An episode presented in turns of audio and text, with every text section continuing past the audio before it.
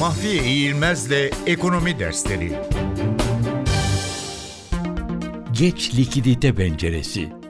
Geç likidite penceresi Merkez Bankası'nın borç veren son merci fonksiyonu çerçevesinde bünyesinde faaliyet gösteren bankalar arası para piyasasında bankalara Türk lirası depo borç verme ve bankalardan Türk lirası depo borç alma işleminin adıdır.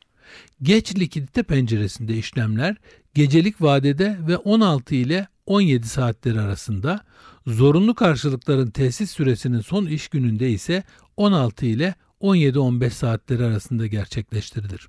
Geç likidite penceresinden faydalanmak isteyen bankalar teminatları karşılığında limitsiz olarak Merkez Bankası kotasyonlarından Merkez Bankası'na Türk Lirası depo borç verebilmekte veya Türk Lirası depo borç alabilmektedirler. Hesaplarını kapatmak ya da ellerinde bulunan parayı borç vermek için son ana kadar bekleyen bankaların bu şekilde beklemesini caydırmak amacıyla Merkez Bankası'na gecelik olarak borç vermek isteyenlere %0, Merkez Bankası'ndan gecelik olarak borç almak isteyenlere ise %10 faiz uygulanmaktadır.